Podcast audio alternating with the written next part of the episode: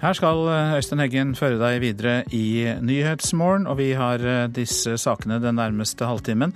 Mer om kommunereformen i Oppland. Der sa folk i alle de ti kommunene som stemte nei. Avgjørelsen om gigantdeponi for giftig avfall under Breivik, Brevik kan bli utsatt til over sommeren. Og eh, angrepene mot IS i den irakiske byen Fallujah, hvordan går de utover sivilbefolkningen? Flyktninghjelpens representant i Irak skal vi ha kontakt med om få minutter her i eh, Nyhetsmorgen. Ja, det blir mer om folkeavstemningene.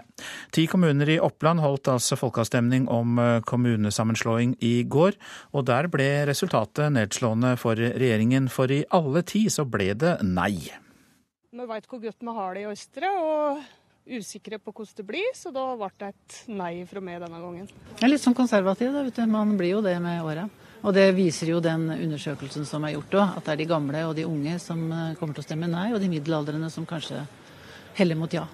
Så jeg er jo i gamlegruppa, jeg da, vet du. I det lange løp så er jeg helt sikker på at det må bli en bedre og mer effektiv struktur. Så du stemmer ja? Jeg er eh, her og nå, altså jeg er nei. De uttalelsene kom fra et knippe valdrisser vi prata med i går. Ja, har jeg signalisert det ganske lenge, at jeg har ikke hatt så stor tro på at det blir noen sammenslåing. Sier ordfører i Øystre Slidre, Kjell Berge Melby Bråten. Det er klart at eh, innbyggernes eh, tydelige signal i samband med folkerøstinga er jo noe som jeg tror mange politikere vil ta inn over seg. Hass kommune var en av ti opplandskommuner som gikk til stemmeurnen i går. Der stemte folk over en mulig storkommune i Valdres. Hele regionen, med unntak av Vang, har jobba med en intensjonsavtale. Men i går sa fire av dem nei til videre samarbeid. Nord-Aurdal hadde ingen folkeavstemning. Jeg tror dette her først og fremst viser at uh, den måten prosessen er kjørt på, uh, er helt feilslått. Men vi har fått en uh, reform som folk ikke har skjønt noe som helst av. Sier Ola Tore Dokken, som er ordfører i Nordre Land, som tross alt fikk et ganske jevnt resultat.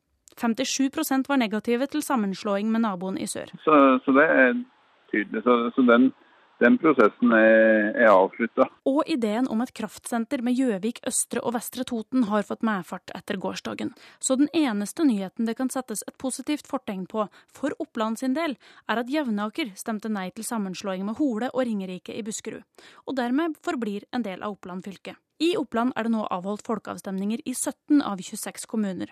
Før gårsdagen var det kun Sør-Fron som hadde sagt ja til å gå videre med sine planer. Jeg syns egentlig eh, vi skal sammenslås, for det gir flere muligheter. Det blir en større kommune, litt eh, større på kartet og det blir større mulighet for alle. Hva tror du blir resultatet i kveld, da? Jeg tror dessverre det blir nei.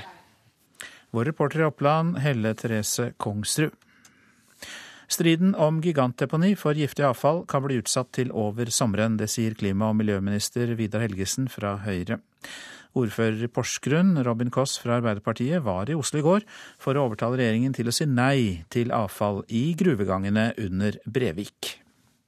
Jeg mener at Her kan man ikke kun se på eh, økonomien for eh, aktørene som lever av å ta imot eh, avfall. Her må man se på de som bor i området. Dette er avfall som kommer til å være der bokstavelig talt til evig tid. Lokale interesser, miljøorganisasjoner og avfallsbransjen deltok alle på møte hos miljøministeren i går.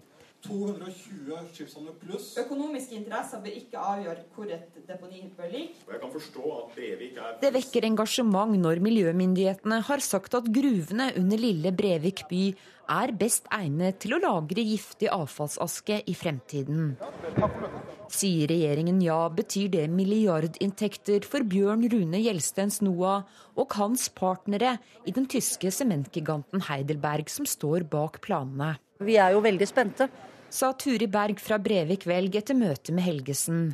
Ja, Mitt hovedbudskap er at uh, den lille byen Brevik med 2500 innbyggere allerede har en veldig stor belastning. Vi har en stor sementfabrikk, vi har en stor havn og vi har en stort uh, renoranlegg som tar imot annen type farlig avfall. Og befolkningen ønsker ikke mer, og vi bor altfor tett på. I Miljødirektoratet har de pekt på Brevik som beste og billigste løsning. Men fremdeles nøler klima- og miljøminister Vidar Helgesen fra Høyre. Det vi må gjøre på basis av eh, innspillsrunden, er jo å se om vi må stille ytterligere spørsmål til Miljødirektoratet. Det er derfor jeg sier at det er ikke mulig nå å si om en avklaring kommer før sommeren eller ikke. Men det å overkjøre en kommune på den måten? Sitter det langt inne? Vi skal ha en eh, nasjonal løsning på et nasjonalt problem. Hva skal eh, Heidelberg og NOAH betale til staten dersom de får full tilgang til gruvene?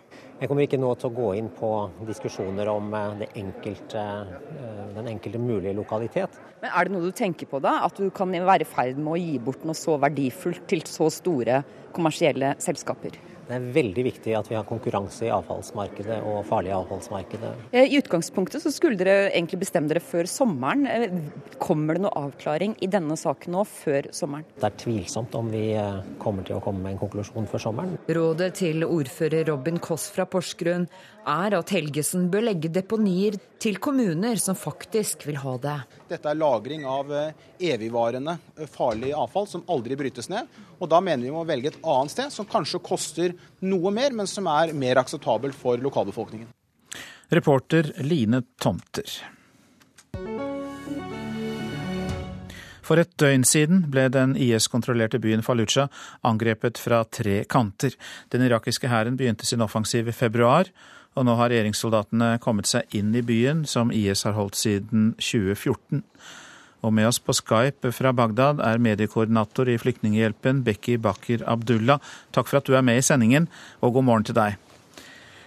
Du var i flyktningleiren utenfor eh, Fallujah i går. Hvordan eh, var situasjonen?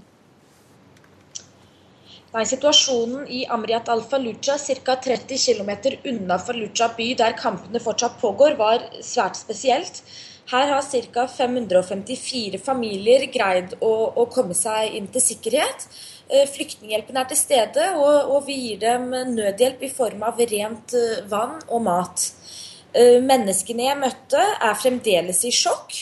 De er glade for at de nå er i trygghet, som de sier selv, men de er samtidig redde for livene til familie og venner som ikke har greid å komme seg ut.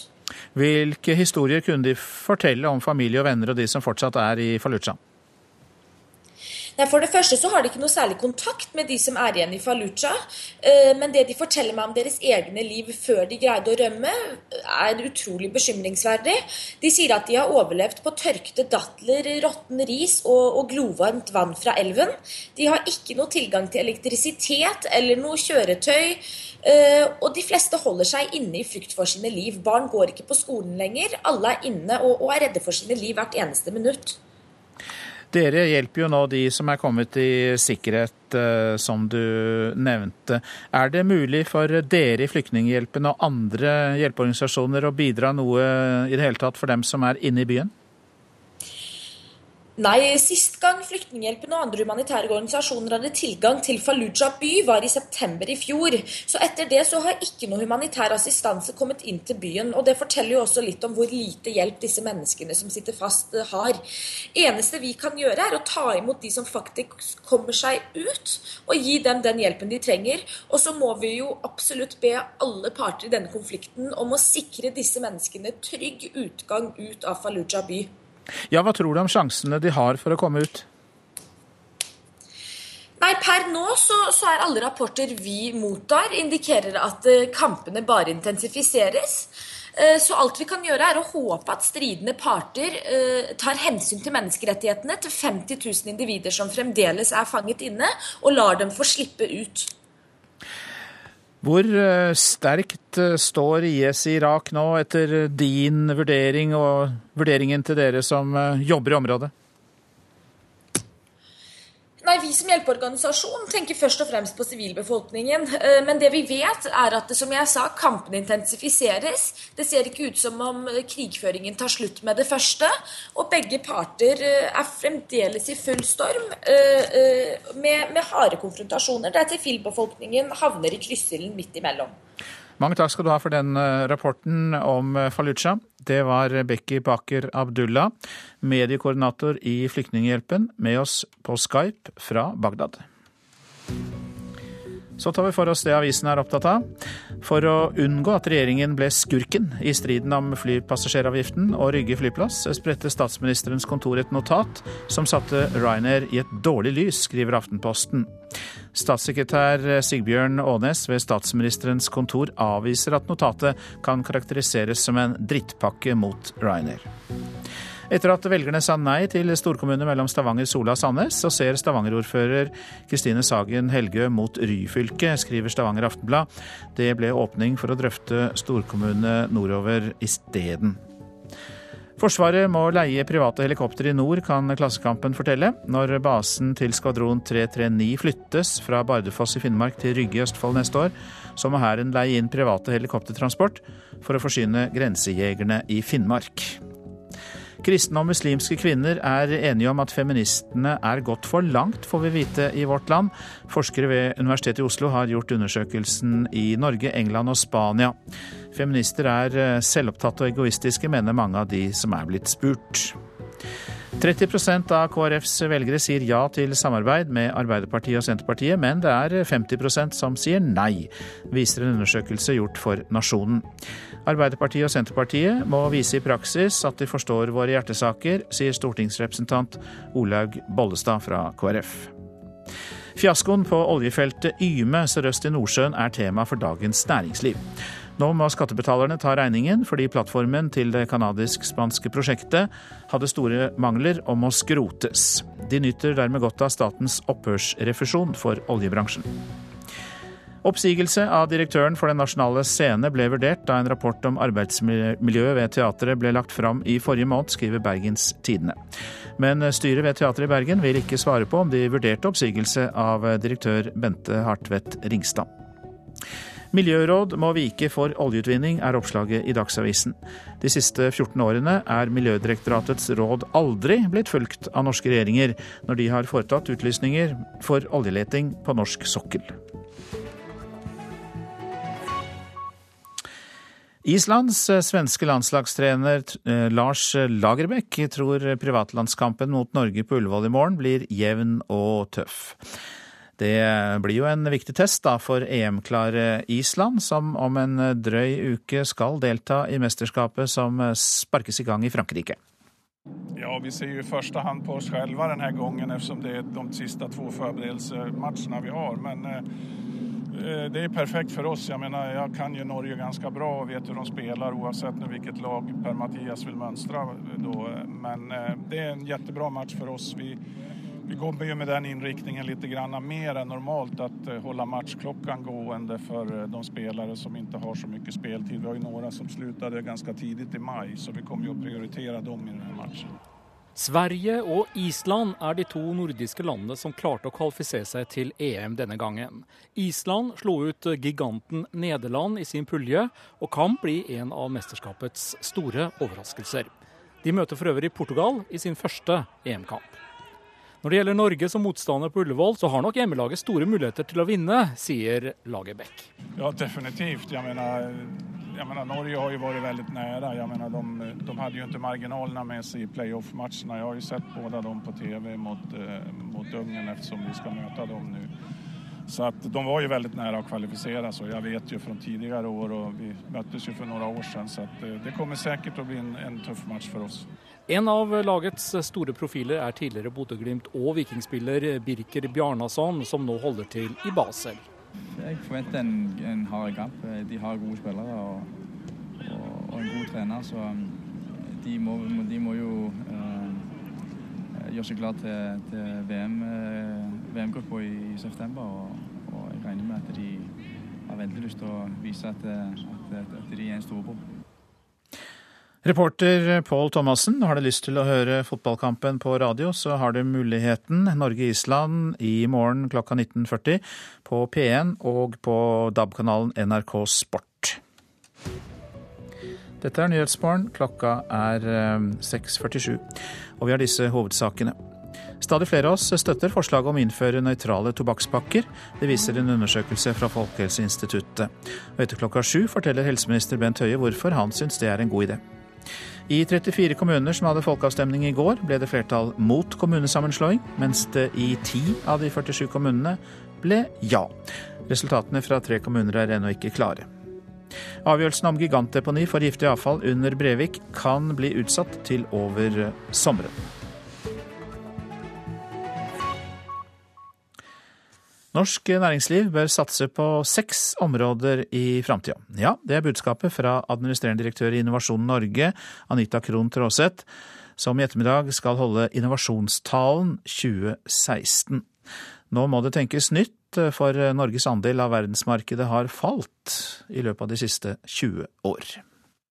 Den viser Norges markedsandel av verdensmarkedet. Helt siden 1998 så har den hatt en synkende kurve. I dag legger tre av de viktigste premissleverandørene for omstilling, Innovasjon Norge, Norges forskningsråd og Siva, fram forslag til hva som må til for å fornye industrien og næringslivet i Norge. Innspillene og innholdet fra Innovasjon Norge bygger primært på en massiv mobiliseringsrunde vi hadde i 2015, som vi kalte Drømmeløftet. Det er resultatene fra alle disse innspillene som vi legger fram. Vi har fått innspill fra alt fra Stavanger symfoniorkester til Sametinget, til Statkraft, til eh, Det Norske Veritas, DNV GL alt som kryper og går av norsk næringsliv. Både etablerte bedrifter, nye gründer- og oppstartsbedrifter. Vi har hatt møter internasjonalt i 35 land, snakket med ambassadører og generalkonsuler og fått innspill til hva, hvilke mulighetsområder har Norge for å lage ny særstilling. Tråseth foreslår seks områder vi bør satse på. Disse seks områdene er basert på områder hvor Norge har klare konkurransefortrinn. Og det er også et svar på de utfordringene som verden allerede har definert med FNs bærekraftsmål. Det gjelder havrommet, det gjelder bioøkonomien, det gjelder ren energi, kreative næringer og reiseliv, ikke minst helse og velferd, for å nevne noen. Og så smarte byer. Smarte byer handler jo om smarte samfunn, og hvordan hele verden er i ferd med å bli urbanisert. Det er hvordan samspillet med teknologi og digitalisering, alt fra offentlige tjenester til transport, til eh, kommunikasjon mellom privat og offentlig. Dette kan til forveksling likne på et grønt skifte, men det er mer enn det. Det er ispedd både blått og rødt, sier Tråseth. Samtidig så har vi mobilisert industri og næringsliv for å få noen klare, rake pucker på hva er det vi trenger framover. En tydeligere retning, en forståelse av at bærekraft både består av økonomisk vekst, grønne hensyn, men også sosiale hensyn har vi nok sammen med næringslivet eh, lagt fram nå og implementert. Kanskje litt foran andre, men det spiller jo ingen rolle. Vi jobber på vegne av landet vårt. Vi snakker om framtida. Hvor nær er den framtida? Den er nå. Anita Krohn Traaseth, Innovasjon Norge, til reporter Bjørn Atle Gjellestad. Sjansen for å se Matt Damon eller Alec Baldwin på filminnspilling i Norge ble betydelig mindre etter at revidert nasjonalbudsjett ble vedtatt. De spiller nemlig filmen Downsizing, som nå må foreta sin egen downsizing. De må kutte antall produksjonsdager i Norge etter at potten til filminsentivordningen, heter den, ikke ble økt.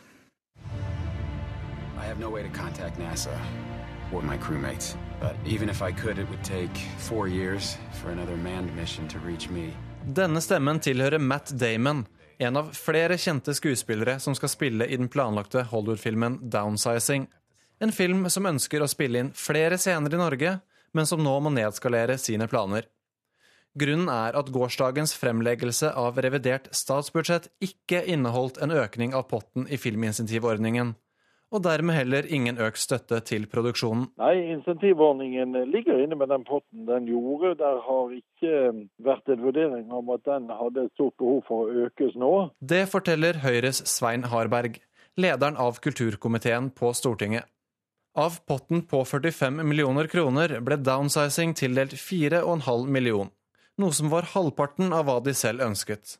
NRK erfarer at produksjonsselskapet derfor ikke kan ta råd til å filme alle de scenene de ønsker i Norge. De gjør sånn som de vil. De har søkt om en, eh, om en sum, og så har de fått eh, ikke fullt ut. Sånn er det jo med mange som søker departementet om forskjellige ordninger. For Arbeiderpartiets filmpolitiske talsmann Arild Grande er det overraskende at det ikke ble bevilget mer penger til filminsentivordningen i det reviderte statsbudsjettet. Ja, egentlig så er det jo det fordi at en samla bransje sa da denne ordningen kom på plass, eh, hvilket jo var et gledelig framskritt, at den har store svakheter, bl.a. Eh, ved at ramma er så liten at det vil være svært få prosjekt som får plass. Eh, det ser vi nå et veldig tydelig eksempel på. At downsizing nå vil kutte antall innspillingsdager i Norge, forteller ifølge Grande at ordningen ikke er godt nok tilpassa den virkeligheten som filmarbeidere befinner seg i i dag. Her planlegger man for en god stund fram i tid i forhold til ganske høye kostnader i de ulike produksjonene. Eh, og det er klart at eh, skal denne ordningen fungere, så må den være forutsigbar. Eh, den må være tydelig rettighetsfesta, og det må være mulig for folk å planlegge noe fram i tid. Men før det gjøres eventuelle endringer i ordningen, mener Harberg at vi først skal se på hvordan den fungerer med dagens tildelinger, og hva som kommer ut av dem. Det er åpenbart at uh, det er søkere til det, og så må vi se hvordan vi kan få gjort noe med den. Uh, om den skal være større, om det skal være andre regler for det når vi kommer til kommende budsjetter. Men det hører ikke hjemme i revidert budsjett. Og dette innslaget om filmintensivordningen var laget av Magnus Lutnes Aas. Mer film på radio. I går startet innspillingen av den nye norske barnefilmen 'Oscars Amerika'. Filmen har et budsjett på 17 millioner kroner, og manus er allerede prisbelønnet. Innspillingen foregår i Nord-Norge, og NRK var med på første innspillingsdag. Nei, nå skal vi se, nå er vi hjemme på gården til han eh, Levi, og så kommer han Oskar som hovedperson, og eh, guttene inn til han Levi. Og får, vi se hva som skal skje med han. Det, de er ikke helt, helt snille med han. Mona Steffensen er produsent for Oscars Amerika. I fem år har det vært jobba med prosjektet. Vi har faktisk vunnet en, en pris for utvikling av prosjektet på en barnefilmfestival i Amsterdam som heter Cine Kid. Og Det var nesten 30 prosjekt som ble presentert der, og vi vant hovedprisen for at uh, vi har ei veldig universell historie. Og på, fra et, eh, et, lokalt ståsted og med den naturen vi har. Så det har betydd mye. Og historia er veldig gripende, så vi tror den vil nå inn til mange hjerter langt ute i verden. Og underveis så har den fått et nytt navn òg? Det stemmer. For at den lenge, i mange år, så har den hett Et hav imellom. Men eh, nå blir den endelig tittelen Oscars Amerika. Elleveåringen Odin Eikre fra Stokmarknes har hovedrollen som Oscar. Nå får han mikrofonen festa til kroppen, og så skal han og de tre som spiller naboguttene, til pers. De skal komme gående gjennom skogen mot huset til Levi. Stille for prøve. Alle klare? Prøve da, og vær så god. Det var kjempeartig. Prøve noe nytt. Hvordan vil du beskrive han Oskar? Han er jo ikke like kul som alle andre. Og um, mora er ikke så veldig Eller har ikke så veldig masse penger. Så jeg blir mobba av de tre guttene her. Som jeg gjør ting for å bli venn med han ble jo valgt ut av ganske mange gutter. Han hadde en uh, utrolig bra tilstedeværelse. Han, uh, han var bare den Oscar vi ville ha i filmen. Så jeg er veldig glad for at jeg gjorde det valget der. Mm. Det er Torfinn Iversen fra Sortland som har skrevet manus til Oscars Amerika, og han er også regissør. Dette er hans første lange spillefilm. Nå gleder vi oss til å komme i gang her på filmcamp. Kommer til å ha ti veldig bra innspillingsdager her, og så drar vi til Andøya og får lage resten av filmen der. Så det syns jeg er kjempefint å få endelig lov til å lage en sånn her film hjemme omtrent. Oscars-Amerika den har premiere neste år. Reporter var Linda Pedersen. Reglene for å tenne bål i naturen er både blitt strengere og mer fleksible. Nå gjelder det bålforbud i all utmark, mens det nær sjøen er opp til den enkelte turgåer å vurdere brannfaren. Reglene er svært aktuelle for Troms, Finnmark og Vesterålen, for der er det nå sendt ut obs-varsel pga. stor gress- og lyngbrannfare. Hugo Tingvold, leder i Nord-Troms friluftsråd, tror ikke folk har fått med seg endringene i reglene. Man har gitt den som drar på tur et sterkere ansvar sjøl med å sørge for at man tar hensyn og gjør lokale vurderinger. og eh, er det fuktig i marka, så kan man lage bål.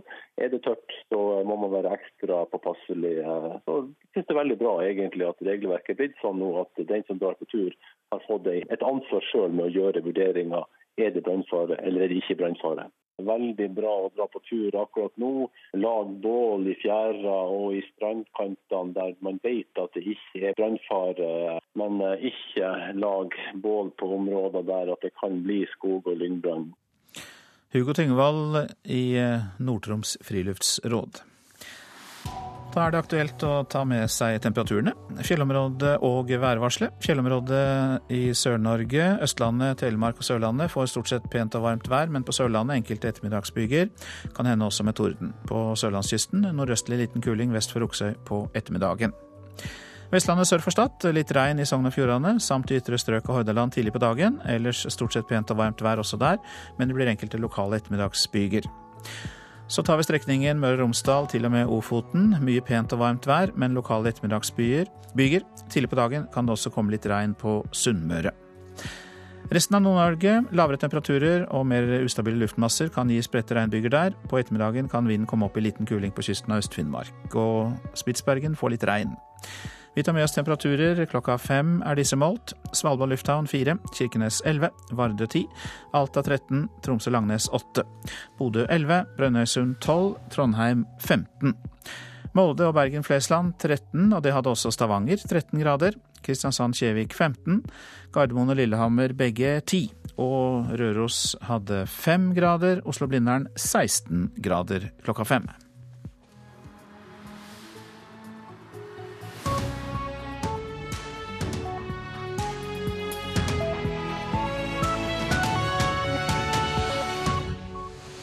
Ja, Du lytter til Nyhetsmorgen. Vi fortsetter med disse sakene den nærmeste halvtimen.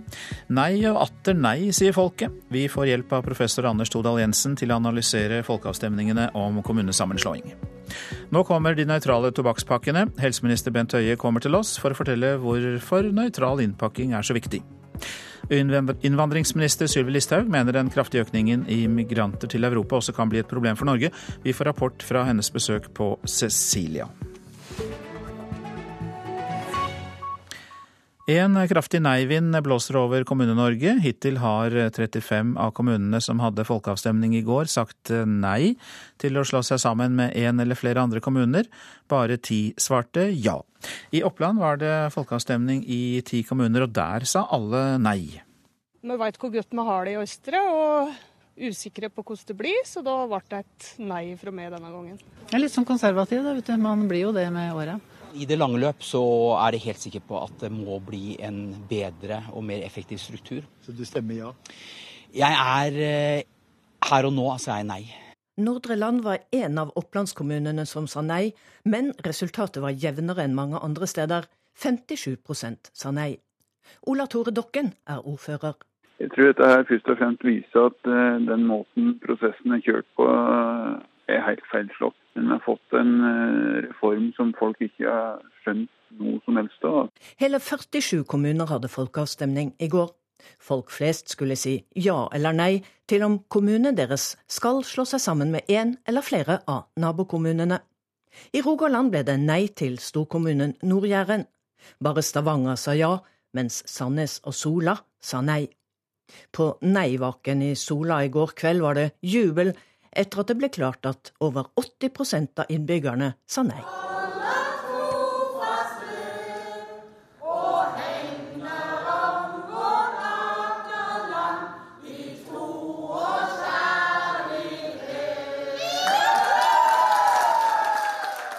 Siv Lene Strandskog fra Arbeiderpartiet har vært en av nei-generalene i kommunen. Det er en artig kveld. Nå er det bare at de skal stå sammen alle sammen og jobbe videre. Kommunereformen med færre og større kommuner er en prestisjesak for regjeringen. Og kommunene har frist på seg til 1. juli for å slå seg sammen frivillig. Folkeavstemningen er ikke bindende, og de som sier nei, risikerer å bli slått sammen med tvang. Det er opp til Stortinget. Men folk sier altså stort sett nei. Per Christian Lunden er ordfører i Risør. Dette var veldig klart og tydelig, eh, enda tydeligere enn innbyggerundersøkelsen. Så det er helt åpenbart at folk i Risør ikke vil ha storkommunen med Arendal, Tvedestrand, Gjerstad og Risør. Reporter eh, Katrin eh, Hellesnes. Anders Todal Jensen, professor i statsvitenskap ved NTNU, med oss fra studio i Trondheim. Velkommen til sendingen. Takk for det. Ja, øh, hvorfor denne begeistringen rundt om i kommunene? Er virkelig lojaliteten og følelsen til vår hjemkommune så sterk i Norge fortsatt? Ja, jeg tror det korte svaret på det er ja. Eh, og det er en sammenheng mellom kommunestørrelse og hvor godt folk syns om kommunen sin. Altså Folk eh, er mer fornøyd med politikerne sine i små kommuner, har mer tillit til dem, de er mer fornøyd med administrasjonen sin. De deltar mer i politikk, og de liker rett og slett kommunen sin bedre. Så en del av dette her eh, er jo håndfaste størrelser. Så tror jeg kanskje det er noe med at regjeringas eh, hovedmotiv for denne reformen er jo effektivisering og sparing. Og det har jo aldri vært noe egentlig vinnerargument i politisk debatt. Eh, dette eh, framstår nok for mange som litt ulne og uklare motiver, og de ser strengt tatt ikke at de selv er tjent med en kommune som skal spare på offentlige utgifter. Et stalltips fra deg da, Todal Jensen. Hvor mange færre kommuner tror du det blir etter disse avstemningene? Ja, Det tør ikke jeg å ha noen mening om. og Situasjonen er jo veldig, veldig forskjellig fra eh, diskusjon til diskusjon. Noen steder så er jo ankepunktet hvor skal kommunesenteret ligge. Noen steder eh, så ser man rett og slett ikke at tjenestetilbudet kan bli bedre, osv. Så, videre, og så, så diskusjonen er jo veldig prega av de lokale forholdene. Og så kan det jo da tenkes at lokalpolitikere går mot eh, folkets råd. Hvilke følger kan det få? Ja, eh, Utgangspunktet her er jo at eh, folkeavstemninger er mye mer populære blant folk enn blant politikere. Og folk, et klart flertall av velgerne de oppfatter at har man først spurt folket, så må man også lytte til folket. Altså man må ta resultatet til følge. Og Det gjør jo at det er en pris å betale for politikere som eh, da ønsker og er villige til å overkjøre et flertall i en folkeavstemning. Det kan føre til avskalling av eh, partimedlemmer, det kan føre til velgerflukt osv. Og eh, Den slags følelse sitter jo ganske dypt. Eh, de av oss som diskuterer mye politikk i hverdagen, treffer jo stadig vekk på folk som fortsatt med forbitrelse snakker om kommunereformen på 60-tallet. Eh, sånn at dette sitter skikkelig i. Men de er jo en hybrid, disse folkeavstemningene her som er rådgivende. Er ikke det da både ubrukelig og tidkrevende og forvirrende? Burde det ikke heller vært avgjørende folkeavstemninger, og det var det. Ellers så burde politikerne bestemt eh, sjøl i kommunestyret. Ja, det kan en godt uh, si. At uh, det er jo mye klarere linjer hvis man sier enten-eller. Og sånn sett så kan man jo si at Eh, teoretisk, liksom innenfor politisk teori, så vil nok folk enten mene at du skal ha borgerinitiativer, altså velgerne selv kan kreve folkeavstemninger og at de skal være bindende, eller de vil si at vi skal ikke ha folkeavstemninger i det hele tatt, eh, og at de valgte politikerne skal, eh, skal stemme. Men det vil avgjøre. Men det, det, vi har i Norge, er altså en ordning både nasjonalt og lokalt med rådgivende folkeavstemninger, og det er jo litt fordi at politikere politikerne eh, gjerne vil ha det siste ordet uansett. Vi må leve med den forvirringen det skaper, da? Ja, og, i en del tilfeller så kan en jo si at det eh, bare flytter problemet og, og gjør eh, debatten mer betent. Eh, hvis eh, lokalpolitikere f.eks. velger å overkjøre et flertall, så, så, vil de nok måtte få si for det. Og også om det ender med at Stortinget her overkjører flertallet i mange kommuner, så vil jo det skape en del forbitrelse. Vi har sagt noen ord Anders Todal Jensen, om dette, men siste ord er da åpenbart ikke sagt i eh, denne saken. Du er altså da professor i statsvitenskap ved NTNU. Takk skal du ha for at du var med oss.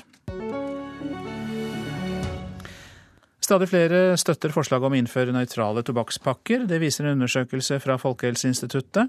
I fjor sendte Helsedepartementet et forslag ut på høring om å lovfeste at alle røykpakker som selges, må ha samme nøytrale farge og en standardisert logo. Og målet er å hindre at barn og unge begynner med tobakk. Omtrent halvparten av de spurte i undersøkelsen er nå positive til det.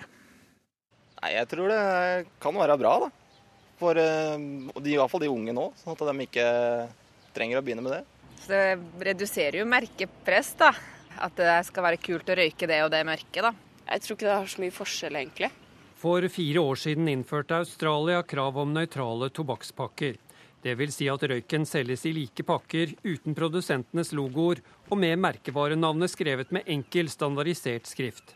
Dette gjør igjen at helseadvarslene på pakkene kommer tydeligere fram.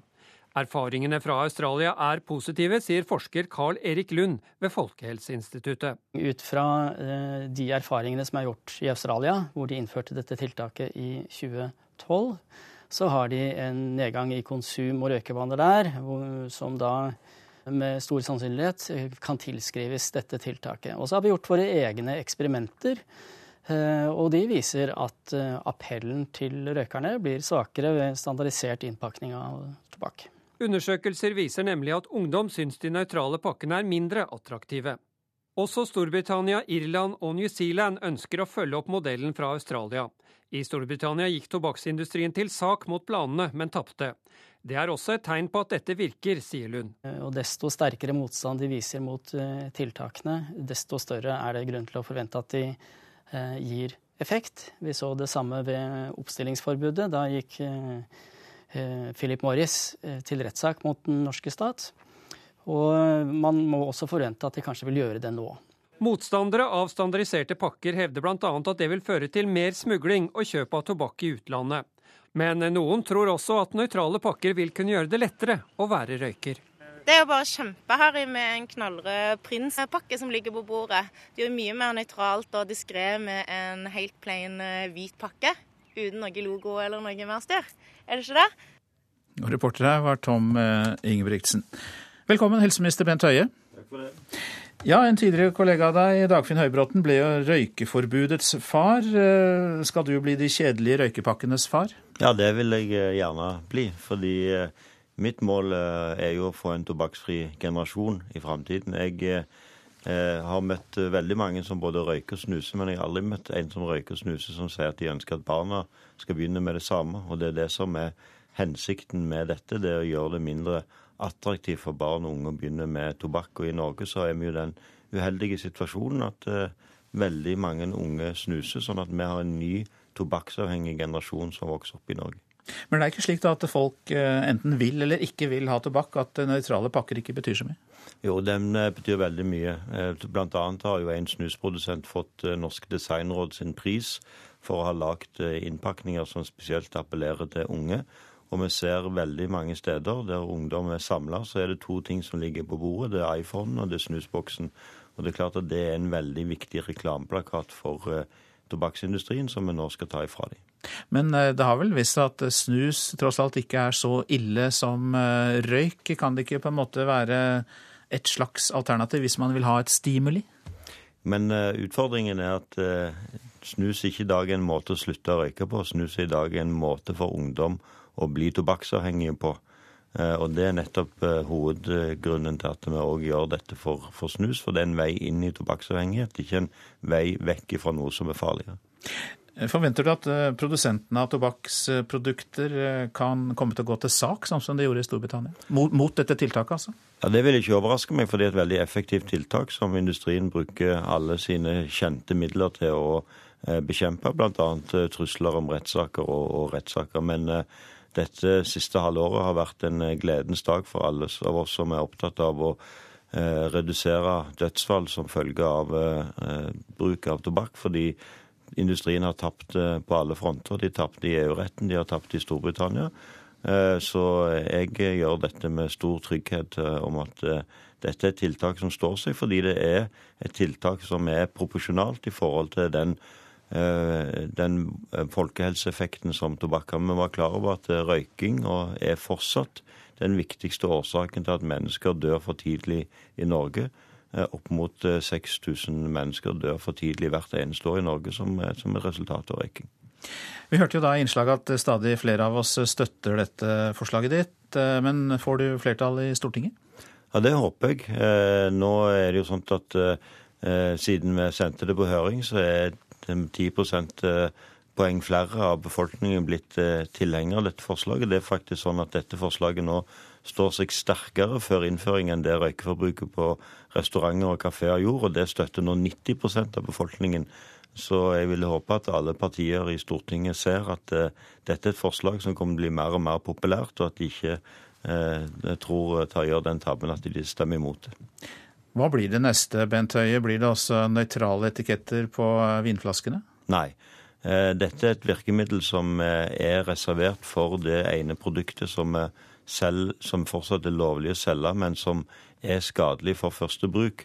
Det er mange andre ting som vi skal ha et moderat forbruk av, som alkohol, som sukker, som fett.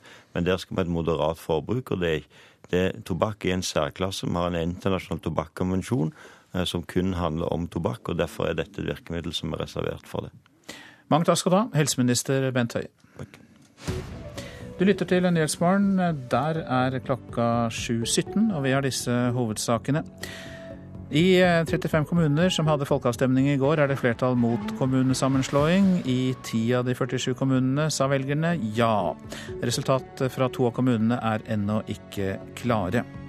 Nord-Korea mislyktes med en rakettoppskyting. Det påstår sørkoreansk militære. Rundt klokka halv seks lokaltid skal oppskytingen ha skjedd. Og stadig flere av oss eh, støtter altså forslaget om å innføre nøytrale tobakkspakker. Det viser en undersøkelse fra Folkehelseinstituttet. Og vi snakket jo nettopp med helseminister Bent Høie om det, som var godt fornøyd med det resultatet. Innvandringsminister Sylvi Listhaug mener den kraftige økningen i migranter som kommer over Middelhavet til Europa, også kan bli et problem for Norge. Listhaug besøker nå den italienske øya Sicilia, der mange av flyktningene kommer, og i går kveld besøkte hun det norske skipet Siem Pilot. Er det sånn at disse smuglerne er båtene, eller er det sånn altså Hellas der er det sånn at der kjenner dere ute alene? Ja, i starten så var det Sylvi Listhaug hadde mange spørsmål til ledelsen på det norske skipet Siem Pilot i går kveld. Båten som senest i forrige uke hentet inn 1000 flyktninger på én tur, er bemannet av norsk politi og kystvakt, og ligger akkurat nå ved havn i Catania på Sicilias østkyst. Mange flyktninger kommer hit til mottak, såkalte hotspots. Listhaug er særlig opptatt av brutaliteten blant menneskesmuglerne i Libya. Nei, siste, eller Forrige uke den var uh, veldig annerledes. Det kom masse båter, og tre av båtene gikk rundt. og det er klart uh, Da blir det sterke inntrykk, og det er viktig å være på sjøen og redde de som reddes kan. Sier fartøysjef Pål Teigen. Lager uh, matrasjoner og sånn inni der for Ifølge Sylvi Listhaug har de fleste som kommer fra Nord-Afrika ikke krav på beskyttelse, men landet de kommer ifra nekter å ta dem tilbake. Listhaug mener trafikken over Middelhavet også legger press på Norge. Ja, Nå er det jo grensekontrollene som hjelper oss. Eh, men det er klart framover, hvis det kommer veldig mange til Italia, så kan jo det bety at det, det vil bli forflytninger nordover. Nå er det grensekontroller, men vi vet at det er menneskesmuglere som styrer dette her. De tjener penger, og de kommer alltid til å være kreative så lenge det er så mye penger i dette markedet. Derfor må vi stramme inn. Eh, og nå er det viktig at eh, Stortinget tar ansvar og kjenner sin besøkelsestid når innstrammingsforslagene skal behandles. I formiddag besøker Listhaug flyktningemottaket i Pozzallo på Sicilia, før hun drar til Roma for møter med den italienske innenriksministeren. Og det var uh, Tore Tollersrud som var reporter på Cecilia og intervjuet Sylvi Listhaug. Nord-Korea fortsetter sine forsøk uh, på å skyte opp mellomdistanseraketter, men skal i går kveld ha mislyktes, ifølge sørkoreanske myndigheter. FN-resolusjoner forbyr Nord-Korea å utvikle denne raketteknologien. Peter Svaar, du er vår Asia-korrespondent. og ja, Betyr det vi nå har hørt at Nord-Korea bare fortsetter å teste ut raketter? Jeg tror det betyr to ting. Det ene er at de jo fortsetter med å teste missilprogrammet sitt, som man internt i Nord-Korea kaller eh, for et romprogram. Dette er jo raketteknologi som både Vesten og nabolandene her i Asia er redd for at man etter hvert kan bruke til eh, å utvikle langtrekkende atomraketter. Eh, det andre det betyr, er at eh, Nord-Korea åpenbart fortsatt sliter med denne teknologien. For denne mislykkede oppskytingen som vi så i, eh, i, natt, føyer seg inn i en ganske lang rekke de siste månedene. Særlig før partikongressen i april ble det også skutt opp flere raketter som styrtet i havet. Så det er åpenbart at nordkoreanerne teknisk sett ikke er i mål med det som trengs for å få de såkalte Musudan-rakettene til å virke. Dette er mellomdistanseraketter som har teoretisk rekkevidde til både naboland som Sør-Korea, Japan og Kina og den amerikanske stillehavsøya Guam, og som man altså frykter kan eh, levere et atomstridshode altså dersom de virker. Du var i Nord-Korea ganske nylig. Hvordan vil du si at landet er i ferd med å utvikle seg? Ja, Frem til partikongressen eh, som ble avholdt i slutten av april, så var det jo et svært aggressivt nordkoreansk regime. Vi så de gjennomførte sin fjerde atomprøvesprengning helt på starten av dette året, 6.1. De avfyrte en eh, langdistanserakett i februar.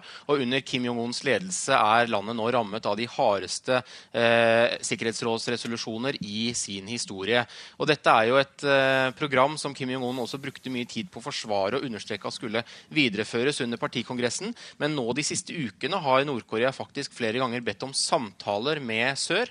Det har sørkoreanerne så langt nektet, til tross for at FNs generalsekretær Ban Ki-moon har bedt dem om å ta opp uh, tråden. Det er også verdt å merke seg at sørkoreanerne for noen uker siden advarte mot at uh, det kunne komme en femte atomprøvesprengning fra Nord-Korea. De viste til satellittbilder og at uh, nordkoreanerne hadde gjort alt klart til en slik femte prøvesprengning, og den har så langt ikke kommet. Så det er altså en liten mulighet for for at eh, Nord-Korea nå vil roe seg noe etter at partikongressen er avsluttet og Kim Jong-un er ferdig i denne omgang med å vise seg frem som en sterk leder under den kongressen. Ja, I lys av det du beskriver her, eh, hva må til da av flere ting for at eh, Nord-Korea skal snakke med resten av verden? Ja, Det vet jo bare nordkoreanerne, men jeg tror først og fremst at de må få noe igjen for det. Som sagt så er jo landet nå under de strengeste FN-sanksjoner noen gang. Også Kina, som står for 90% av handelen med Nord-Korea, har sagt at de skal følge opp sanksjonsregimet strengere enn det de har gjort tidligere. Og Vi ser også her i Asia nå hvordan nordkoreanske skip arresteres i land etter land. Nylig var det en eh, båt som ble arrestert på Filippinene fordi de ikke lenger under sanksjonsregimet har lov til å seile. Eh, det er en ganske betydelig del av befolkningen i Nord-Korea nå som står på randen av sult. Avlingene har vært rammet av kraftig tørke nå de siste månedene. Så det er klart at for Nord-Korea eh, vil jo ha mye igjen for at sanksjonsregimet kan bli lettet noe, og at de kan forhåpentligvis kanskje være villig til å diskutere det etter hvert. Mange takk skal du ha, Peter Svaar, eh, Asia-korrespondent. I Frankrike er det streik i togtrafikken i dag. Eh, torsdag rammer streik også metro og busser i Paris. Eh, det er også stor bensinmangel i landet som følge av blokader ved raffinerier og petroleumslagre. Fagforeningene protesterer mot den franske regjeringens arbeidslivsreformer, som skal gjøre det enklere for arbeidsgiverne å si opp folk. Og det er frykt for at streiker og aksjoner kan komme til å fortsette, også under fotball-EM, som starter 10. Eh. Så til eh, avisene og det de er opptatt av i dag. For å unngå at regjeringen eh, ble skurken i striden om flypassasjeravgiften og Rygge flyplass, spredte statsministerens kontor et notat som satte Rainer i et dårlig lys, skriver Aftenposten. Statssekretær Sigbjørn Aanes ved statsministerens kontor avviser at notatet kan karakteriseres som en drittpakke mot Rainer. Etter at velgerne sa nei til storkommune mellom Stavanger, Sola og Sandnes, så ser Stavanger-ordfører Kristine Sagen Helgø mot Ryfylke, skriver Stavanger Aftenblad. Det ble en åpning for å drøfte storkommune nordover isteden. Forsvaret må leie private helikoptre i nord, kan Klassekampen fortelle. Når basen til skvadron 339 flyttes fra Bardufoss i Finnmark til Rygge i Østfold neste år, må Hæren leie inn private helikoptre for å forsyne grensejegerne i Finnmark.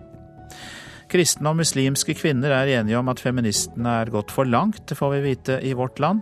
Forskere ved Universitetet i Oslo har gjort undersøkelsen i Norge, England og Spania, og feminister er selvopptatte og egoistiske, mener mange av de som der ble spurt. 30% av KrFs velgere sier ja til samarbeid med Arbeiderpartiet og Senterpartiet, men det er 50% som sier nei, viser en undersøkelse gjort for Nasjonen. Arbeiderpartiet og Senterpartiet må vise i praksis at de forstår våre hjertesaker. Det sier stortingsrepresentant Olaug Bollestad til avisa. Nå er det sendt ut et oppsvarsel i Troms, Finnmark og Vesterålen pga. stor gress- og lyngbrannfare. Og det, i tillegg til finvær og sommertemperatur i Nord-Norge for tida, gjør jo bål, bålreglene ekstra aktuelle. Og i år har de blitt endret, eh, men spørsmålet er om folk har fått det med seg. Nei, det har jeg dessverre ikke. Nei, jeg har ikke det. Det er vel rundt sankthans at vi begynner å tenke på bål, eh, ja. Mm. Nei. Nei, det har jeg ikke. Slik hørtes det ut da vi spurte tilfeldige i Telegrafbukta i Tromsø om de nye bålreglene. Bålforbudet gjelder fortsatt mellom 15.4 og 15.9, Men reglene har blitt både myket opp og strengere. Nå gjelder forbudet i all utmark, også ved strender, holmer og nær vann. Og det har blitt opp til den enkelte turgåer å avklare om det er brannfare. Er det ikke det, kan man tenne bål, selv midt på sommeren. Venninnene Kristin Lorentzen, Elisabeth Barrett og Sandra Wang liker regelendringene. Det er jo egentlig helt greit. Skal man tenne bål, så må man være litt bevisst på omgivelsene, om det er er, vindretning ikke minst, har man også å si. Og at man har muligheten til å kunne slukke fort hvis det skjer noe. Og det å tenkt igjennom eh, først før man tenner bål, og tenkt igjennom konsekvensen hvis det skjer noe. Mm, det er veldig bra at vi får restriksjoner i forhold til det å tenne bål. Og jeg tror det er veldig mange utover nå som kommer til å bruke minigrill, så da må de jo passe på hvor de setter opp den i hvert fall. Hva tenker dere om eh, det, de endringene?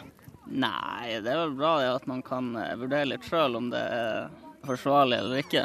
Men det kommer vel også litt an på hvem som vurderer det. Det sier studentene Martin Tangstad og Mathias Norum. Brannvesenet i Tromsø har ikke inntrykk av at folk har fått med seg regelendringene i så stor grad. Og det har heller ikke Hugo Tingvold, daglig leder i Nord-Troms friluftsråd. Så sånn så er det veldig bra med en liten sånn påminnelse om at vi har fått uh, nye båtregler. De nye reglene er jo sånn at man tar hensyn til at uh, landet vårt er langstrakt. Det betyr at uh, denne til året så kunne det f.eks. ha vært brannfare på Østlandet, mens i Nord-Norge var situasjonen helt annerledes med snø og fuktig uh, vær og klima. Da kunne vi jo ha fyrt bål med god samvittighet i Nord-Norge nå, men nå er situasjonen annerledes. Det er etter 15. april, det er brannfare. Da er det ekstra viktig at man tar hensyn til reglene som er. og Drar på tur gjerne, men sørger for at man ikke lager skog- og lyngbrann. Meteorologisk institutt sendte ut oppsvarsel om skog- og lyngbrannfare i går. Ståle Madsen, branninspektør i Tromsø brann og redning, ber folk om å vise aktsomhet ved slike forhold.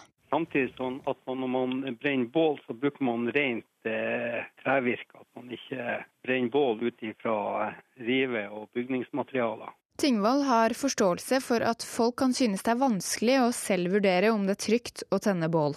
Og Da skal man egentlig ta utgangspunkt i at etter 15. april og frem til 15. september så er det, er det bålforbud i, i, landet vårt. Da er man i hvert fall trygg hvis man forholder seg til de datoene. Sånn som nå, nå er det gått ut varsel om at det er brannfare. Hvis man følger med på sånne varsler, så vil man jo da være ekstra, ekstra trygg. Reporter her var Mathilde Thorsø. Du lytter til Nyhetsmorgen, produsent Kari Bekken Larsen, her i studio Øystein Heggen. Vi skal bli med vår Midtøsten-korrespondent Sigurd Falkenberg Mikkelsen til Saudi-Arabia om ti minutter. Landet blir stadig mer moderne, men fortsatt får ikke kvinner lov å kjøre bil. I Politisk kvarter møtes finansminister Siv Jensen og Venstres leder Trine Skei Grande til debatt om revidert nasjonalbudsjett.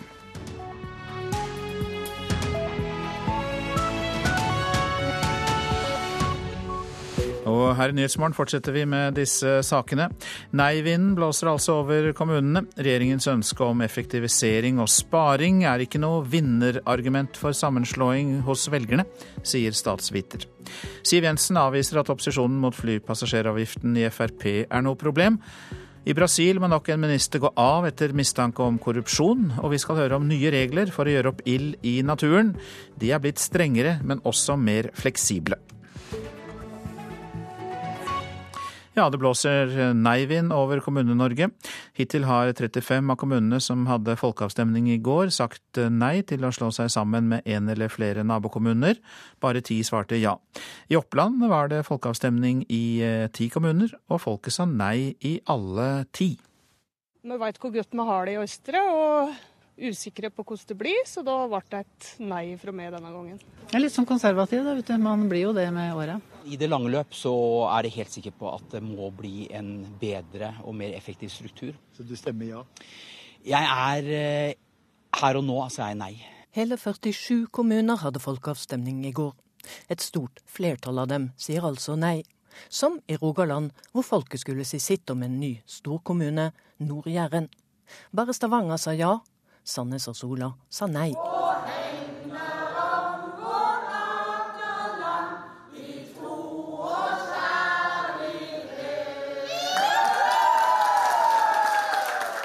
Det var jubel på Nei-vaken i Sola i går kveld, da det ble klart at over 80 av innbyggerne sa nei. Nå er det bare at vi skal stå sammen alle sammen og jobbe videre. Kommunereformen med færre og større kommuner er en prestisjesak for regjeringen. Og kommunene har frist på seg til 1. juli for å slå seg sammen frivillig. Folkeavstemningene er ikke bindende, og kommuner som sier nei, risikerer å bli tvangssammenslått. Men folk sier altså stort sett nei til endring som i Risør, med 84 Klar beskjed, sier ordfører Per Kristian Lunden. Dette var veldig klart og tydelig, eh, enda tydeligere enn innbyggerundersøkelsen. Så det er helt åpenbart at folk i Risør ikke vil ha storkommunen med Arendal, Tvedestrand, Gjerstad og Risør. Reporter Katrin Hellesnes. Anders Todal Jensen, professor i statsvitenskap ved NTNU, sier dette om hvorfor så mange sier nei til kommunesammenslåinger. Det er en sammenheng mellom kommunestørrelse og hvor godt folk syns om kommunen sin. Altså Folk er mer fornøyd med politikerne sine i små kommuner, har mer tillit til dem, de er mer fornøyd med administrasjonen sin. De deltar mer i politikk, og de liker rett og slett kommunen sin bedre. Så en del av dette her er jo håndfaste størrelser. Så tror jeg kanskje det er noe med at regjeringas eh, hovedmotiv for denne reformen er jo effektivisering og sparing. Og det har jo aldri vært noe egentlig vinnerargument i politisk debatt. Eh, dette eh, framstår nok for mange som litt ulne og uklare motiver, og de ser strengt tatt ikke at de selv er tjent med en kommune som skal spare på offentlige utgifter. Et stalltips fra deg da, Todal Jensen. Hvor mange færre kommuner tror du det blir etter disse avstemningene? Ja, Det tør ikke jeg å ha noen mening om. og eh, Situasjonen er jo veldig, veldig forskjellig fra eh, diskusjon til diskusjon. Noen steder så er jo ankepunktet hvor skal kommunesenteret ligge. Noen steder eh, så ser man rett og slett ikke at tjenestetilbudet kan bli bedre, osv. Så, videre, og så, videre. så diskusjonen er jo veldig prega av de lokale forholdene. Og så kan det jo da tenkes at lokalpolitikere går mot eh, folkets råd. Hvilke følger kan det få? Ja, eh, Utgangspunktet her er jo at eh, folkeavstemninger er mye mer populære blant folk enn blant eh, politikere. Og folk, et klart flertall av velgerne de oppfatter at har man først spurt folket, så må man også lytte til folket. Altså man må ta resultatet til følge. Og Det gjør jo at det er en pris å betale for politikere som da ønsker og er villige til å overkjøre et flertall i en folkeavstemning. Det kan føre til avskalling av eh, partimedlemmer, det kan føre til velgerflukt osv. Og eh, Den slags følelse sitter jo ganske dypt. Eh, de av oss som diskuterer mye politikk i hverdagen, treffer jo stadig vekk på folk som fortsatt med forbitrelse snakker om kommunereformen på 60-tallet. Sånn at dette sitter skikkelig i. Men det de er jo en hybrid, disse folkeavstemningene her som er rådgivende. Er ikke det da både ubrukelig og tidkrevende og forvirrende? Burde det ikke heller vært avgjørende folkeavstemninger, og det var det? Eller så burde politikerne bestemt eh, sjøl i kommunestyret?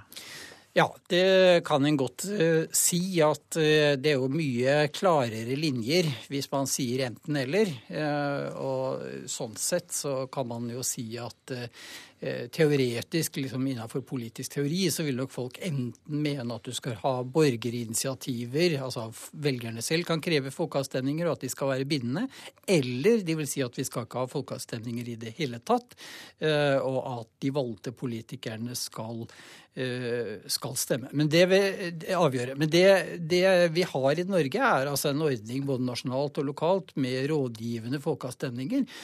Og det er jo litt fordi at politikerne eh, gjerne vil ha det siste ordet uansett. Vi må leve med den forvirringen det skaper, da? Ja, og, og, i en del tilfeller så kan en jo si at det eh, bare flytter problemet og, og gjør eh, debatten mer betent. Eh, hvis eh, lokalpolitikere f.eks. velger å overkjøre et eh, flertall, så, så, vil de nok måtte eh, få si for det. Og også om det ender med at Stortinget her overkjører flertallet i mange kommuner, så vil jo det skape en del forbitrelse. Det var professor i statsvitenskap ved NTNU, Anders Todal Jensen. De borgerlige partiene er enige om å innføre en eh, flypassasjeravgift, men i forrige uke så sa stortingsrepresentant fra Frp, eller stortingsrepresentanter skal det være, at eh, det ble en omkamp om dette i forhandlingene om revidert budsjett. I Politisk kvarter i dag så avviste partileder og finansminister Siv Jensen at eh, det er noe problem. Det viktige er at de fire partiene står fast på den beslutningen de tok før jul. Forrige uke sto du i spørretimen og sa at flypassasjeravgiften lå fast. Noen timer senere sier din stortingsrepresentant Erlend Wiborg og Ulf Leirstein at det blir naturlig for Frp å forhandle om avgiften for å få den bort. Hvordan forklarer du dette? Det var eh, uro hos mange av eh, Østfold-representantene i Stortinget som følge av det. Det kan man forstå, for det er der Rygge flyplass eh, ligger. Eh, det viktige er at eh, vi er enige om eh, det Stortinget besluttet før jul i fjor. Nemlig at denne avgiften skal innføres. Og det er altså ingen flyplasser i Norge som blir lagt ned som følge av dette. Nei, det men nå, nå, nå, snakker andre... noe, nå, snakker, du om noe, annet. Nei, Jeg snakker om passasjeravgiften, ja, som du spurte om. Men dine representanter sitter da i dette studio og sier at dette skal vi ta en omkamp på mm, mm. i forhandlingsrommet i revidert budsjett. Mm. Ja, men jeg sier ikke Altså, det sa de. Det har det også vært representanter fra andre partier ute og sagt. Og det er for så vidt forståelig, fordi de representerer det fylket som, eh, hvor Rygge flyplass ligger. Men enten så var disse representantene dine illojale, eller så er dette et bevisst spill der Frp ikke vil ta ansvar for upopulære saker Frp i regjering er med på. Fremskrittspartiets gruppe gikk ut og sa at vi ville stemme for dette, og at vi ville gå inn til forhandlingsbordet om revidert budsjett på regjeringens fremlagte mens, grunnlag. Mens to stykker satt rundt i radiostudioer og sa at nei, dette skal ja, vi ta en omkamp for. Som mange andre representanter fra Østfold gjorde. Så jeg syns at programlederen nå prøver å blåse dette opp. Det er ikke noen hemmelighet Dette skjedde at... vel en annen upopulær sak for Frp også. I pensjonsoppgjøret så protesterte Frp-ere på Stortinget mot det Frp i regjering gjorde. Og ja, da begynner det å nærme seg et mønster. Nei, for det må være lov å gi uttrykk for et primærstandpunkt samtidig som man forholder seg til fremforhandlede kompromisser. Jeg tror ikke velgerne syns dette er veldig komplisert å forholde seg til i det hele tatt. Ja. Ikke komplisert. Venstre-leder Trine Skei Grande? Nei, Vi forholder oss til det som vi ønsker, nemlig å få til et skatteskifte der det blir mer, der det koster å forurense. Men hva syns du om det som skjedde forrige uke, når representanter fra Frp igjen, får man vel si, går ut og protesterer og argumenterer mot det Siv Jensen har stått tidligere på dagen og forsvart. Ja, sånn bruker vi ikke å gjøre det i Venstre. Ja, og det var et utdrag fra Politisk kvarter som var ved Bjørn Myklebust. I Brasil går nok en minister av fra den nyinnsatte regjeringen etter mistanke om korrupsjon. Dette er den andre ministeren som har måttet gå av etter at president Dilma Rousef ble avsatt av parlamentet tidligere denne måneden. Og utenriksmedarbeider Sigrun Slapgard, hva handler det om?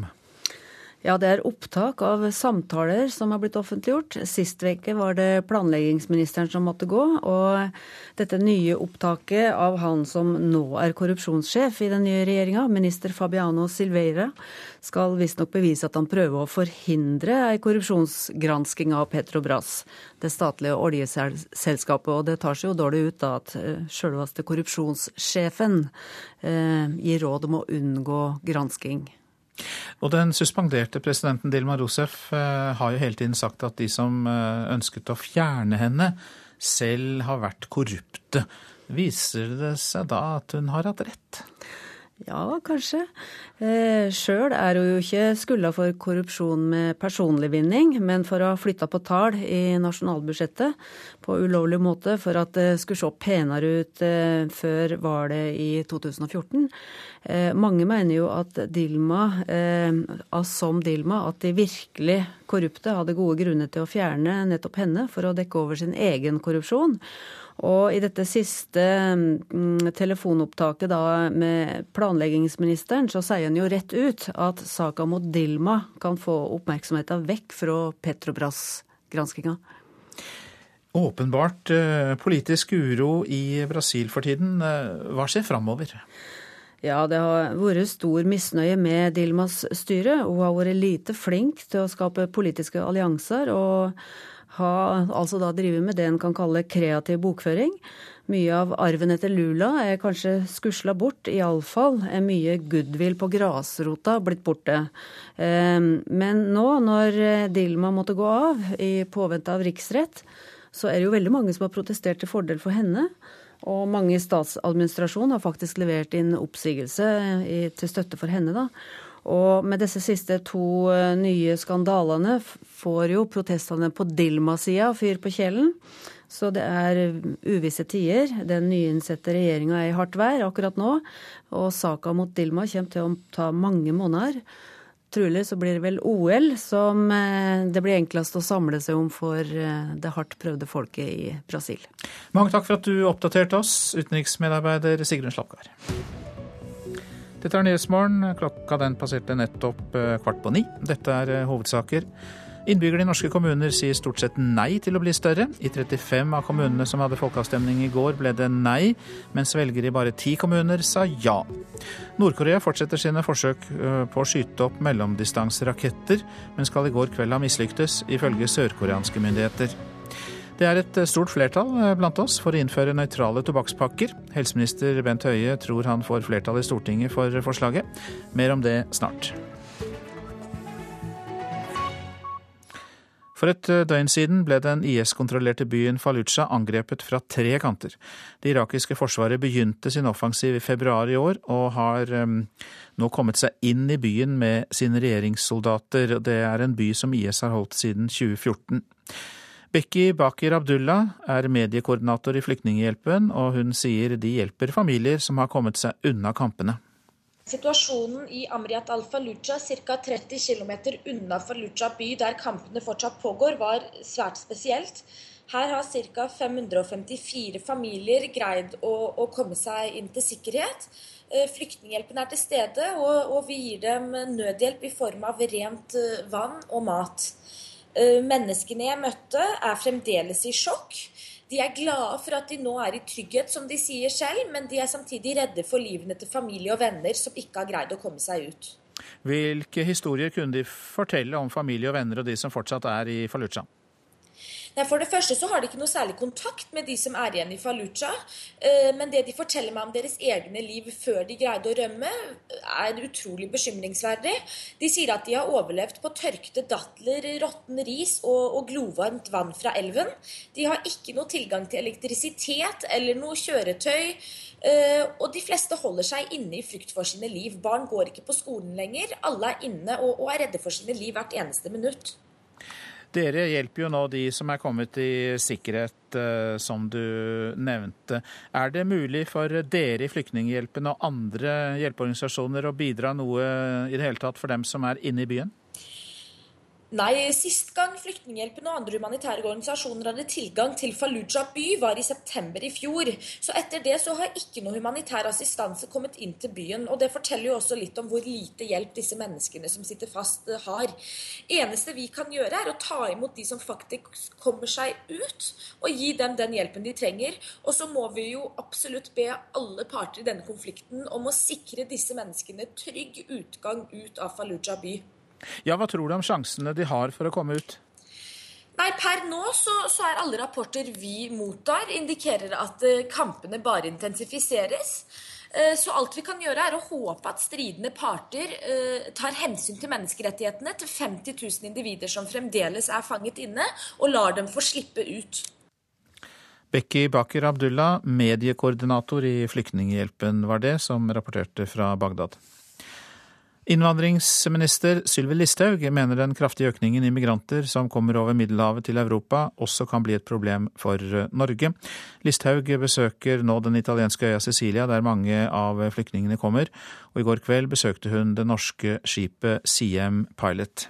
Er det sånn at disse smuglerne er båtene, eller er det sånn altså Hellas der er det sånn at der kjenner dere ut alene? Ja, i starten så var det Sylvi Listhaug hadde mange spørsmål til ledelsen på det norske skipet Siem Pilot i går kveld. Båten som senest i forrige uke hentet inn 1000 flyktninger på én tur, er bemannet av norsk politi og kystvakt, og ligger akkurat nå ved havn i Catania på Sicilias østkyst. Mange flyktninger kommer hit til mottak, såkalte hotspots. Listhaug er særlig opptatt av brutaliteten blant menneskesmuglerne i Libya. Nei, siste, eller Forrige uke den var uh, veldig annerledes. Det kom masse båter, og tre av båtene gikk rundt. og det er klart uh, Da blir det sterke inntrykk, og det er viktig å være på sjøen og redde de som reddes kan. Sier fartøysjef Pål Teigen. Lager matrasjoner og sånn inni der for Ifølge Sylvi Listhaug har de fleste som kommer fra Nord-Afrika ikke krav på beskyttelse. Men landene de kommer ifra, nekter å ta dem tilbake. Listhaug mener trafikken over Middelhavet også legger press på Norge.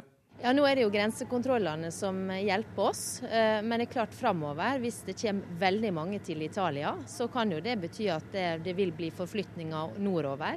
Nå er det grensekontroller, men vi vet at det er menneskesmuglere som styrer dette her. De tjener penger, og de kommer alltid til å være kreative så lenge det er så mye penger i dette markedet. Derfor må vi stramme inn. Eh, og nå er det viktig at eh, Stortinget tar ansvar og kjenner sin besøkelsestid når innstrammingsforslagene skal behandles. I formiddag besøker Listhaug flyktningemottaket i Pozzallo på Sicilia, før hun drar til Roma for møter med den italienske innenriksministeren. Og det sa vår reporter på Cecilia, Tore Tollersrud. I Frankrike er det streik i togtrafikken i dag. Torsdag blir metro og busser i Paris også rammet av streik. I tillegg er det bensinmangel i landet pga. blokader ved raffinerier og petroleumslagre. Fagforeningene protesterer mot regjeringens arbeidslivsreformer, som skal gjøre det lettere å si opp folk. Og det er frykt for at streikene og aksjonene kan komme til å fortsette også under fotball-EM, som starter 10. juni. Stadig flere av oss eh, støtter forslaget om å innføre nøytrale tobakkspakker. Det viser en undersøkelse fra Folkehelseinstituttet. I fjor sendte Helsedepartementet ut et forslag på høring om at alle røykpakker som selges her i landet må ha samme nøytrale farge og en standardisert logo. Målet er å hindre at barn og unge begynner med tobakk. Omtrent halvparten av de spurte i undersøkelsen er nå positive til et slikt tiltak. Nei, Jeg tror det kan være bra, da. For eh, de, i hvert fall de unge nå, sånn at de ikke trenger å begynne med det. Det reduserer jo merkepress, da. At det skal være kult å røyke det og det merket, da. Jeg tror ikke det har så mye forskjell, egentlig. For fire år siden innførte Australia krav om nøytrale tobakkspakker. Det vil si at røyken selges i like pakker uten produsentenes logoer og med merkevarenavnet skrevet med enkel, standardisert skrift. Dette gjør igjen at helseadvarslene på pakkene kommer tydeligere fram. Erfaringene fra Australia er positive, sier forsker Carl Erik Lund ved Folkehelseinstituttet. Ut fra eh, de erfaringene som er gjort i Australia, hvor de innførte dette tiltaket i 2012, så har de en nedgang i konsum og røykevaner der, som da med stor sannsynlighet eh, kan tilskrives dette tiltaket. Og så har vi gjort våre egne eksperimenter. Eh, og de viser at appellen til røykerne blir svakere ved standardisert innpakning av tobakk. Undersøkelser viser nemlig at ungdom syns de nøytrale pakkene er mindre attraktive. Også Storbritannia, Irland og New Zealand ønsker å følge opp modellen fra Australia. I Storbritannia gikk tobakksindustrien til sak mot planene, men tapte. Det er også et tegn på at dette virker, sier Lund. Eh, og Desto sterkere motstand de viser mot eh, tiltakene, desto større er det grunn til å forvente at de eh, gir effekt. Vi så det samme ved oppstillingsforbudet. Da gikk Philip Morris eh, til rettssak mot den norske stat. Og man må også forvente at de kanskje vil gjøre det nå. Motstandere av standardiserte pakker hevder bl.a. at det vil føre til mer smugling og kjøp av tobakk i utlandet. Men noen tror også at nøytrale pakker vil kunne gjøre det lettere å være røyker. Det er jo bare kjempeharry med en knallrød Prins-pakke som ligger på bordet. Det er jo mye mer nøytralt og diskré med en helt plain eh, hvit pakke uten noe logo eller noe mer styr. Er det ikke det? Og den reportasjen var laget av Tom Ingebrigtsen. Nå er det sendt ut eh, obs-varsel i Troms, Finnmark og Vesterålen pga. stor gress- og lyngbrannfare. Det, i tillegg til finvær og sommertemperatur i Nord-Norge for tida, gjør bålreglene ekstra aktuelle. Og um, disse reglene for å gjøre opp ild uh, ute i naturen er blitt endret, og så spørs det om folk har fått det med seg. Nei, det har jeg dessverre ikke. Nei, jeg har ikke det. Det blir en sankthans at du begynner å tenke på bål, eh, ja. Mm. Nei. Nei, det har jeg ikke. Slik hørtes det ut da vi spurte tilfeldige i Telegrafbukta i Tromsø om de nye bålreglene. Bålforbudet gjelder fortsatt mellom 15. april og 15. september, men reglene har blitt både myket opp og strengere. Nå gjelder forbudet i all utmark, også ved strender, holmer og nær vann. Og det har blitt opp til den enkelte turgåer å avklare om det er brannfare. Er det ikke det, kan man tenne bål, selv midt på sommeren. Venninnene Kristin Lorentzen, Elisabeth Barrett og Sandra Wang liker regelendringene.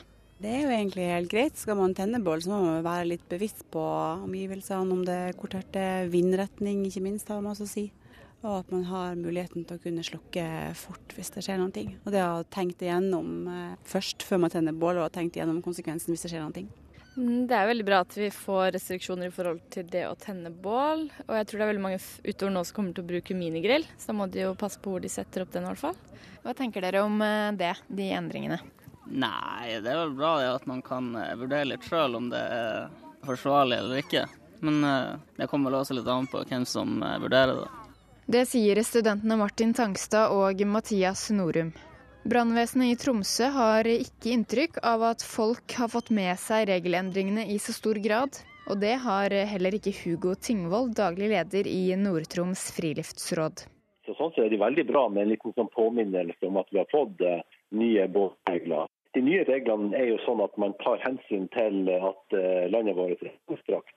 Det betyr at uh, denne til året så kunne det f.eks. ha vært uh, brannfare på Østlandet, mens i Nord-Norge var situasjonen helt annerledes med snø og fuktig uh, vær og klima. Da kunne vi jo ha fyrt bål med god samvittighet i Nord-Norge nå, men nå er situasjonen annerledes. Det er etter 15. april, det er brannfare. Da er det ekstra viktig at man tar hensyn til reglene som er. Og drar på tur gjerne, men sørger for at man ikke lager skog- og lyngbrann. Meteorologisk institutt sendte ut oppsvarsel om skog- og lyngbrannfare i går. Ståle Madsen, branninspektør i Tromsø brann og redning, ber folk om å vise aktsomhet ved slike forhold. Samtidig sånn at man, når man brenner bål, så bruker man rent eh, trevirke. At man ikke brenner bål ut ifra rive- og bygningsmaterialer. Tingvoll har forståelse for at folk kan synes det er vanskelig å selv vurdere om det er trygt å tenne bål. Og Da skal man egentlig ta eh, utgangspunkt i at etter 15. april og frem til 15. september så er det, eh, er det bålforbud eh, i, i, landet vårt. Da er man i hvert fall trygg hvis man forholder seg til de datoene. Sånn som nå, nå er det gått ut varsel om at det er brannfare. Hvis man følger med på sånne varsler, så vil man jo da være ekstra, ekstra trygg. Og reporter her, det var Mathilde Thorsø. Og statsmeteorolog Kristen Gislefoss kan fortelle mer om det pene været over nesten hele landet i dag. Ja, i dag er det finvær som skal dominere store deler av landet vårt. Enkelte steder kan det gå noen spredte regnbyger, men eh, jeg tror ikke det demper helhetsinntrykket trykk noe særlig.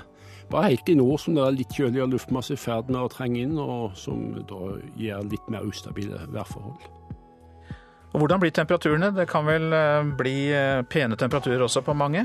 Ja, i, særlig i innlandet så kan nok temperaturene komme på den øvre delen av 20-tallet. Og eh, en må litt vekk fra vannkildene, for vannkildene er fortsatt litt kjølige, og de demper de mest sterkeste temperaturstigningene. Så et sted som ligger litt vekk fra vanntemperaturen, kan nok få en, en plass mellom 25 til 30 grader i maksimumstemperatur i dag. Og hva er eh, grunnen til at det er eh, pent vær over praktisk talt eh, hele landet? Ja, Luftmassene er ganske varme, de som er kommet inn. Og så er de ikke altfor fuktige, så det blir ikke så veldig mye skyer. Så det er ikke så fryktelig mye vind heller. Og dermed så ligger alt til rette for å, å få ganske høye temperaturer. Kan vi glede oss over dette lenge? Det ser ut som det kan vare et par dager, men mot helga igjen så er det nok lavere temperatur som er på gang, og enkelte vil nok oppleve en nedgang på en, en, en 10 grad fra torsdagen eller fredagen til lørdag. Og så er det på tide å runde av Nyhetsmorgen med å si at ansvarlig for sendingene i dag eh, var Arild Svalbjørg, produsent for Nyhetsmorgen Kari Bekken Larsen. Teknisk ansvarlig Espen Hansen, og her i studio i dag Øystein Heggen.